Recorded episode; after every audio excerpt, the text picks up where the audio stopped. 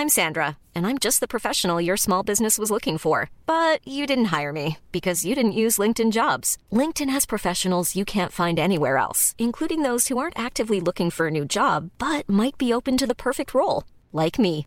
In a given month, over 70% of LinkedIn users don't visit other leading job sites. So if you're not looking on LinkedIn, you'll miss out on great candidates like Sandra. Start hiring professionals like a professional. Post your free job on linkedin.com/people today.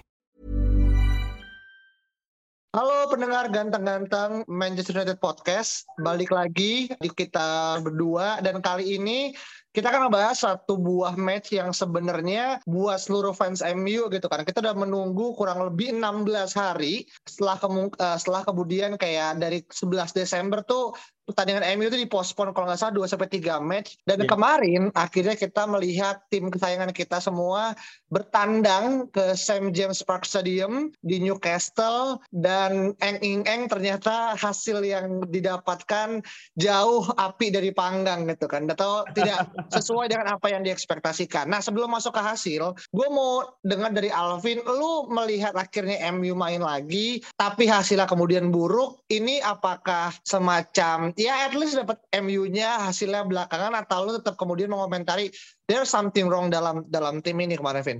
Ya tetap lah ya gitu. Namanya juga fans pasti ingin melihat timnya bermain. Tapi ketika lu udah bangun jam 3 nih ya, terutama untuk orang Asia, kemudian disajikan permainan seperti itu. Apalagi permainan kayak itu tuh dari awal, literally dari awal gitu. Bukan yang kayak drop dari menit eh, misalnya 4, eh, 50-an atau 60-an kayak lawan Palace kan.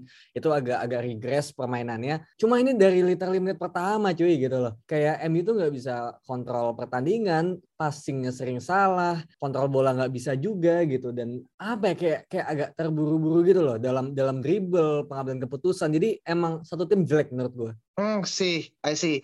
Dan kalau kita ngomongin secara starting line up gitu kan, sebenarnya nggak ada jauh yang berbeda.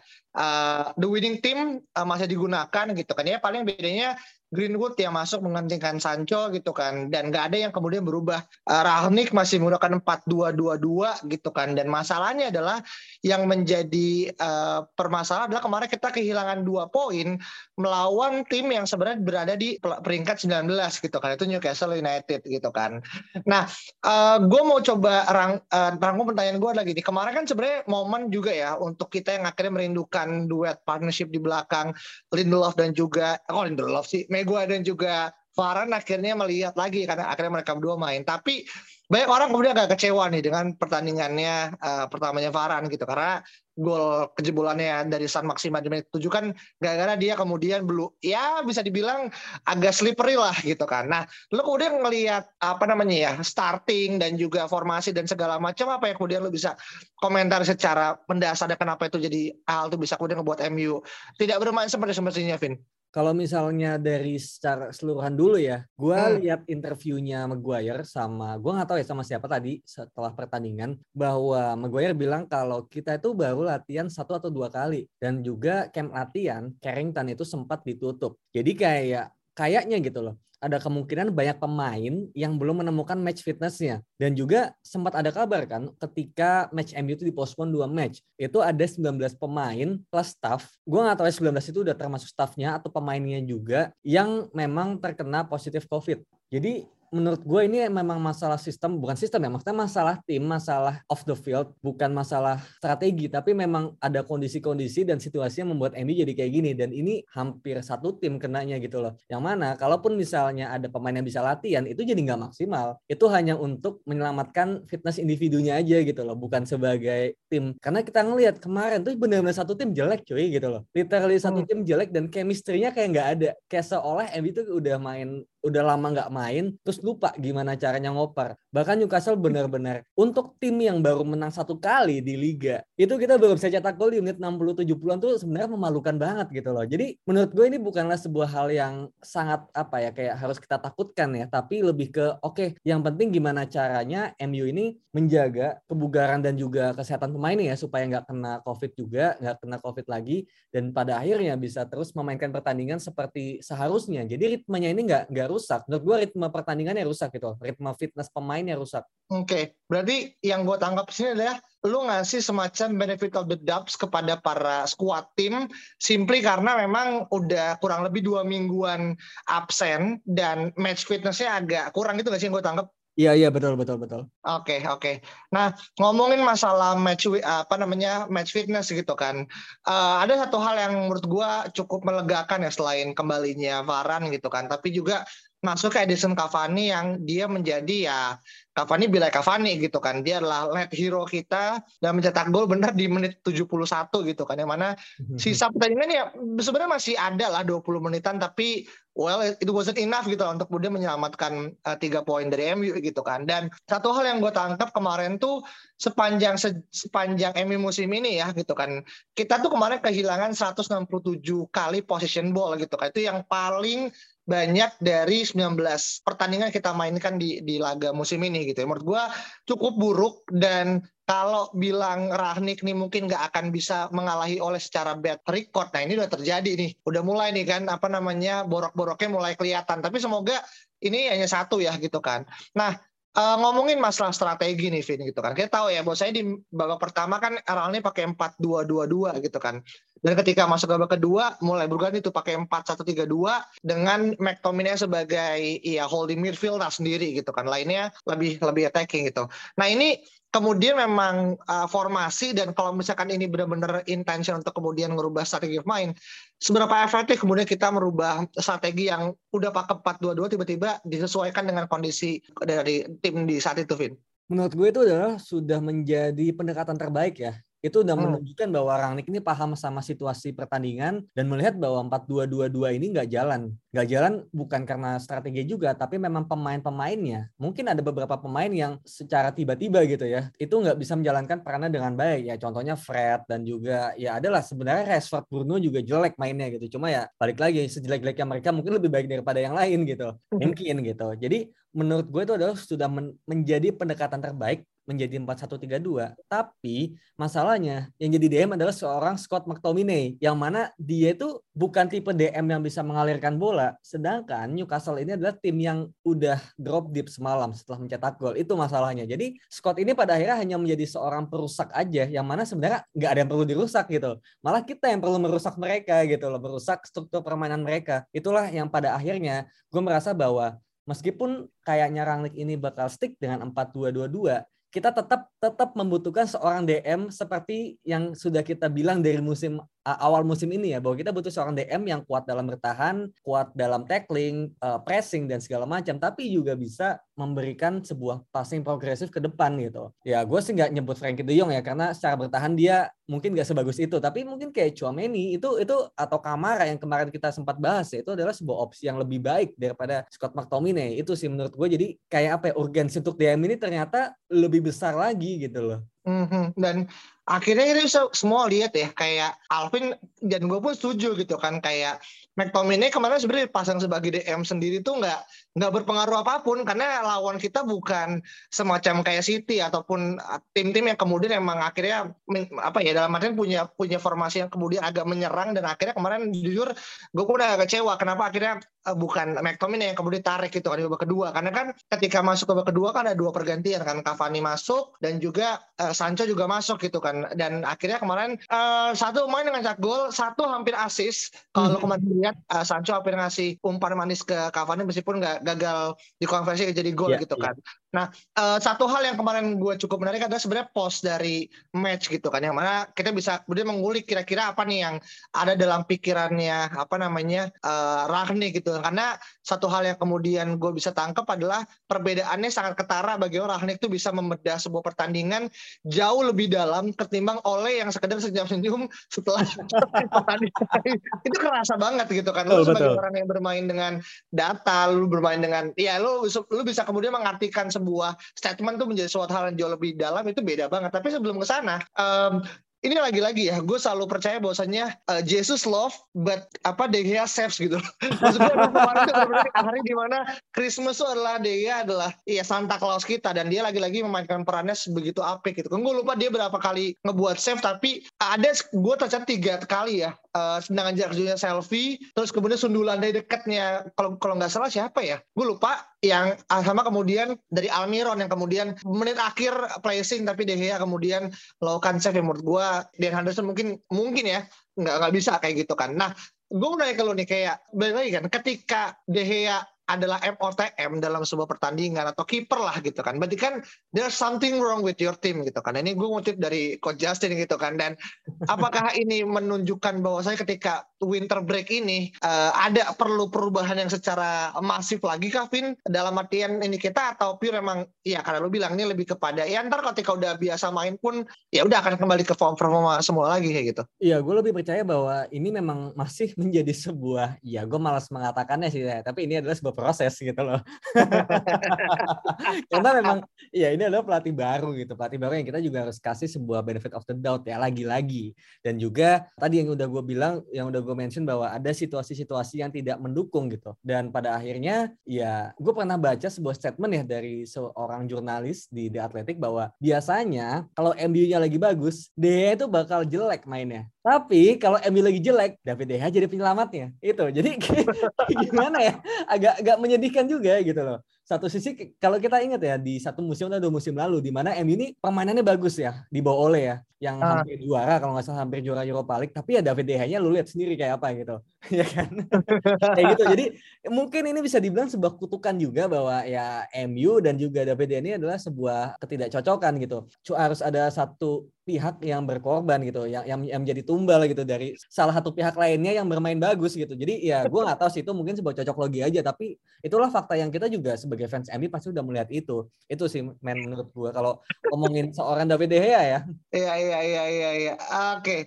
Ini fakta menarik ya bahwasanya lu harus mengorbankan satu pemain atau satu tim yang kemudian harus lu ganti gitu kan. Masalahnya Dan, masalahnya kalau misalnya tim MU-nya main bagus tapi De Gea-nya blunder ya, hancur juga gitu loh. ya lu lihat di final Europa League satu tim ya sebenarnya nggak bagus sih tapi kemudian ketika David Gea adalah penentunya ya he sucks gitu loh Iya iya. Ya, kan? iya Dan juga banyak juga blunder-blunder yang dia lakukan yang bikin MU kehilangan poin gitu sih. Jadi hmm. agak sulit ya untuk menerima fakta kayak gitu. Hmm, benar benar benar benar benar.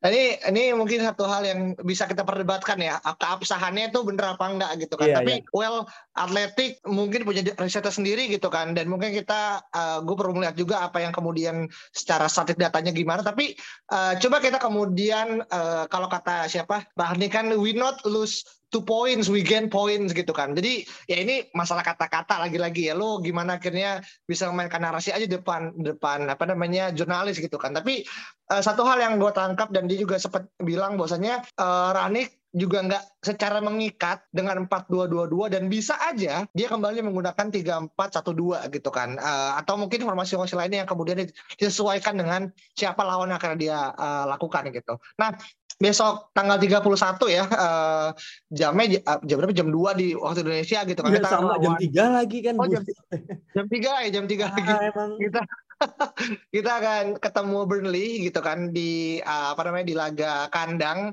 Yang mana sebenarnya kalau ngomongin Burnley dia aku juga papan bawah juga. Nggak usah peringkat ke-17 atau 16 gitu gue lupa lah. Pokoknya peringkat bawah. Dan uh, again ini tantangan ya buat uh, Rahani bisa nggak kemudian kita ya at least gaining point lah. Pertama ini di home. Yang kedua ini match spesial tanggal 31 Januari. Yang ketiga ya it's fucking Burnley gitu. Kayak lu berharap dapat kehilangan dua poin ya menurut gue tuh suatu hal yang mungkin agak disayangkan gitu. Nah masalahnya adalah besok ketika pertandingan lawan Burnley kita nggak bisa memainkan Bruno Fernandes gitu karena dia mengalami akumulasi kartu gitu. Nah secara strategi apa yang kemudian bisa lu lihat dengan ketidakhadiran Fernandes di pertandingan match besok, Vin? Sejujurnya gue lagi capek ya nonton Bruno main ya. kayak apa ya? Gue bingung ya. Kayak mungkin ini sebuah cocok logi lagi ya, yang mana mungkin uh, bisa bukan cocok logi ya, sebuah unpopular opinion yang mungkin sangat bisa diperdebatkan ya, karena gue nggak bicara data, cuma berdasarkan eye test dan juga ya asbun aja lah gitu. Ya, gue ya, melihat ya. Bruno ini kayak nggak fit gitu loh dalam formasi 4-2-2-2 nya Rangnick dan juga kayaknya dia bukan tipe yang cocok bermain dalam sistemnya rigid gitu loh. Dia adalah seorang pemain yang cuma bisa jadi main man, cuma jadi poros permainan, poros serangan, dan kemudian dia mengatur segalanya. Tapi kalau dia bukan sebagai pengatur utama, ya dia nggak bisa dalam sistem itu gitu. Ya gue nggak tahu ya mungkin mungkin uh, gue nggak tahu kalau di Portugal ya balik lagi. Memang sistemnya mungkin nggak terlalu seperti Man City atau Liverpool. Cuma yang kita tahu bahwa di Portugal Bruno Fernandes ini bukan sebu bukan seorang main man seperti di MU-nya oleh, iya kan? Dan kita uh. lihat betapa Bruno ini ya terisolasi di situ karena dia nggak dapat bola, dia nggak tahu harus ngapain, perannya nggak jelas. Tapi di MU-nya oleh kita lihat bahwa bola semua harus lewat dia. Makanya kita sering bercanda kan, pas tuh Bruno no and Bismillah gitu kan.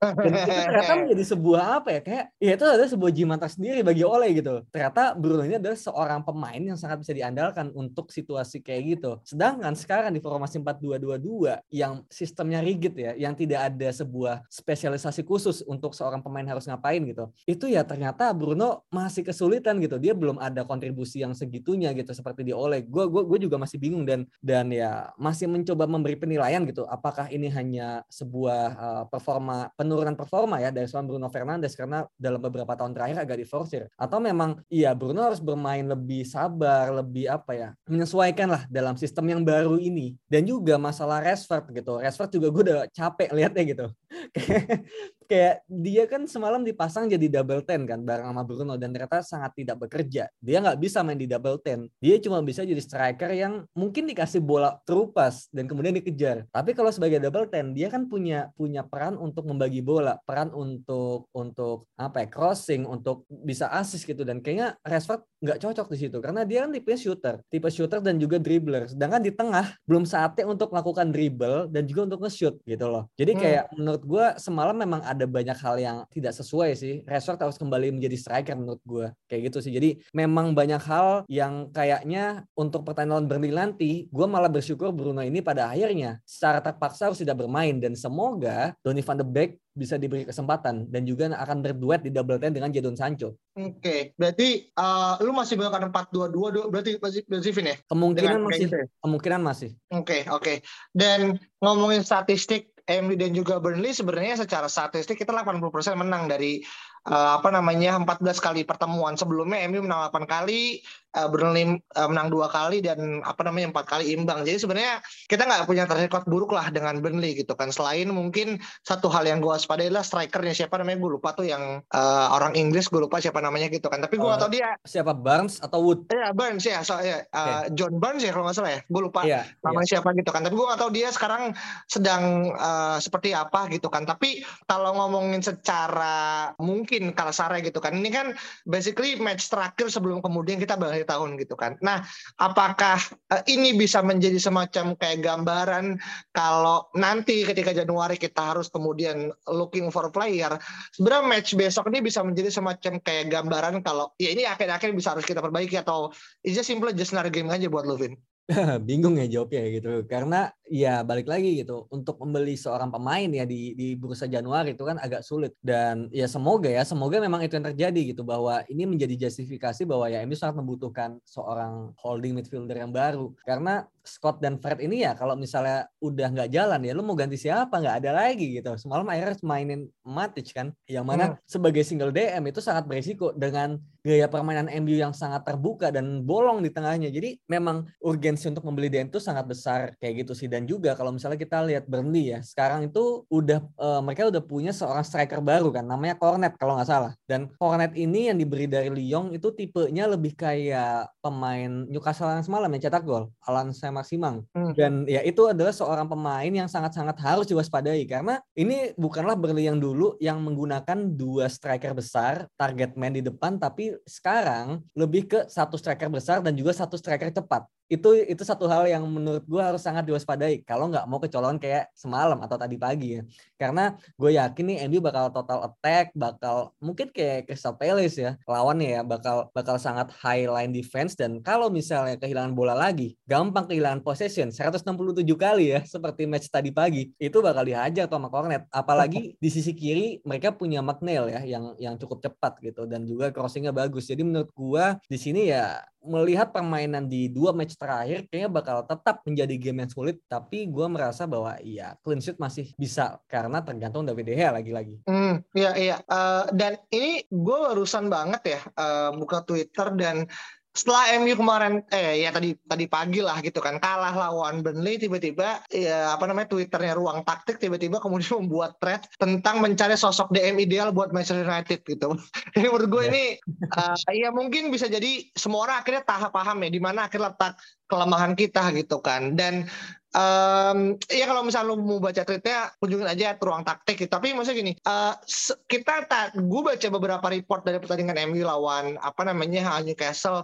Hampir nggak ada yang kemudian berani ngomong tentang Ronaldo gitu. Nah gue mungkin ini salah satu pertanyaan terakhir kali ya kayak apakah Ronaldo masih bisa menjadi tumpuan ketika pertandingan besok lawan Burnley atau lu lebih prefer Cavani yang kemudian duetkan dengan Greenwood untuk kemudian mengisi pos uh, lini depan Vin? Menurut gue semalam ya Ronaldo sesimpel melakukan tugasnya gitu. Kayak seperti yang udah kita tahu ya ketika misalnya Ronaldo ini menjadi seorang tugasnya tugasnya adalah seorang finisher ya kemudian pemain-pemain lainnya harus ngecover tugas dia yang seharusnya yaitu pressing. Dan masalahnya itu tidak terjadi semalam. Dan itu adalah sebuah konsekuensi menurut gue untuk memainkan Ronaldo. Dan kalau misalnya itu adalah sebuah keputusan yang yang udah diambil oleh Rangnick ya berarti pemain-pemain ini sisanya ya berarti harus bekerja keras. Gimana caranya mereka harus bisa pressing yang mana pressing mereka itu harus lebih keras dari biasanya. Karena itu adalah harus mengcover tugas Ronaldo. Yang mana kalau itu berhasil dan Ronaldo dapat bola, ya itu bakal jadi gol gitu loh. Masalah semalam Ronaldo Ronaldo itu nggak dapat bola, hampir jarang banget lah nggak dapat bola yang enak ya buat syuting. Jadi kayak menurut gue bukan salah Ronaldo ya semalam, cuma memang ada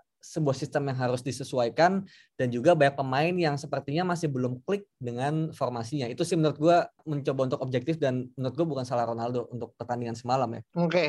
Uh, tapi lu tetap kemudian mempercayakan Ronaldo untuk kemudian duet, berduet lagi sama Eder Cavani ataupun let's say ya mungkin untuk kemudian akhirnya mengisi pos lini depan lagi, Vin? Menurut gue as long as pemain-pemain lainnya masih bisa cover ya balik lagi gitu, bisa melakukan tugasnya dengan baik, masih bisa mengeksekusi plannya Rangnick, adanya Ronaldo tidak masalah. Masalahnya pas zaman Ole itu kan pemain nggak tahu nih sisanya harus ngapain kan, gitu. Jadi menurut gue di sini kalau kita melihat dan berkaca ya pada pertandingan lawan Palace itu kan sebenarnya itu udah paling benar gitu loh. Ronaldo cuma nutup geraknya doang, nggak pressing tapi nutup apa ya uh, passing lane. Sedangkan pemain lainnya tuh ikut ngepres, semuanya ngepres. Itu yang seharusnya terjadi. Masalahnya semalam nggak kayak gitu. Jadi kalau misalnya gue gua nggak lagi mendukung Ronaldo tapi gue mendukung keputusan Rangnick apa pun itu. Itu sih menurut gue. Oke okay, oke. Okay. Nah ini uh, perdebatan menarik ya kayak uh, back again ini tengah musim dan semua kemudian akan mengalami evaluasi gitu kan dan gue yakin Rahni pun yang baru datang kurang lebih 3-4 minggu pun akhirnya bisa paham kira-kira apa yang akan terjadi dinamika. Dan menurut gue uh, masuk di tengah musim mendekati akhir gitu kan menurut gue ini sebuah tantangan juga buat Rahni gitu kan. Dan ya gue berharap kita semua berharap terbaik gitu kan ini kemudian uh, bisa mencapai full film Nadia gitu kan. Tapi baik lagi um, seperti obrol-obrol kita sebelumnya gitu kan. Jangan terlalu kemudian berharap pada season 2021 2022 anggap aja ini season bonus gitu kan. Kalau sukses ya syukur. Kalau enggak ya udah gitu. Kita punya masih punya banyak waktu untuk berproses gitu kan. Mau hmm. hasilnya apa itu belakangan gitu. Ya. nah mungkin uh, terakhir Vin kira-kira prediksi skor uh, yang kemudian lebih saya ekspektasikan berapa dari match besok Vin satu nol cukup sih menurut gue.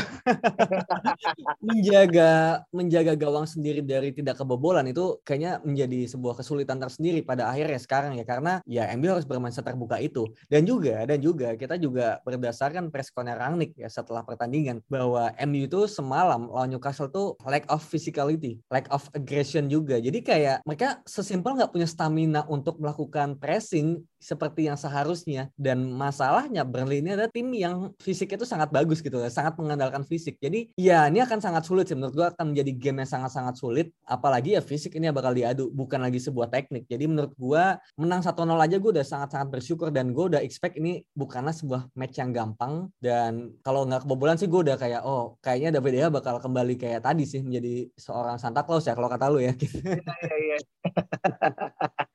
Oke oke oke oke. Ya, uh, I think terkait dengan pembahasan uh, apa namanya review Newcastle, MU dan juga preview MU Burnley, kian gitu kan. Dan gue kita pribadi pengen uh, apa namanya ngingetin ke teman-teman bahwasanya buat teman-teman yang udah dengerin podcast GGMU dari cukup lama nih dari awal tahun mungkin sampai dengan sekarang, uh, gue pengen ngasih sebuah apa ya uh, announcement kalau teman-teman yang belum ngerating uh, GGMI Podcast, uh, kita sangat menunggu teman-teman memberikan rating sebaik-baiknya gitu kan. Uh, kalaupun mau bintang 5 silahkan gitu kan. Kalaupun teman-teman mau ngasih bintang kemudian lebih dari kurang dari 5, mungkin nanti kita bisa diskusi kira-kira apa nih yang mau kita tingkatin karena baik lagi uh, tahun depan mungkin ada beberapa hal yang kita ingin improve. So stay tune di podcast GMU dan sampai jumpa di pertemuan berikut ya. Bye bye.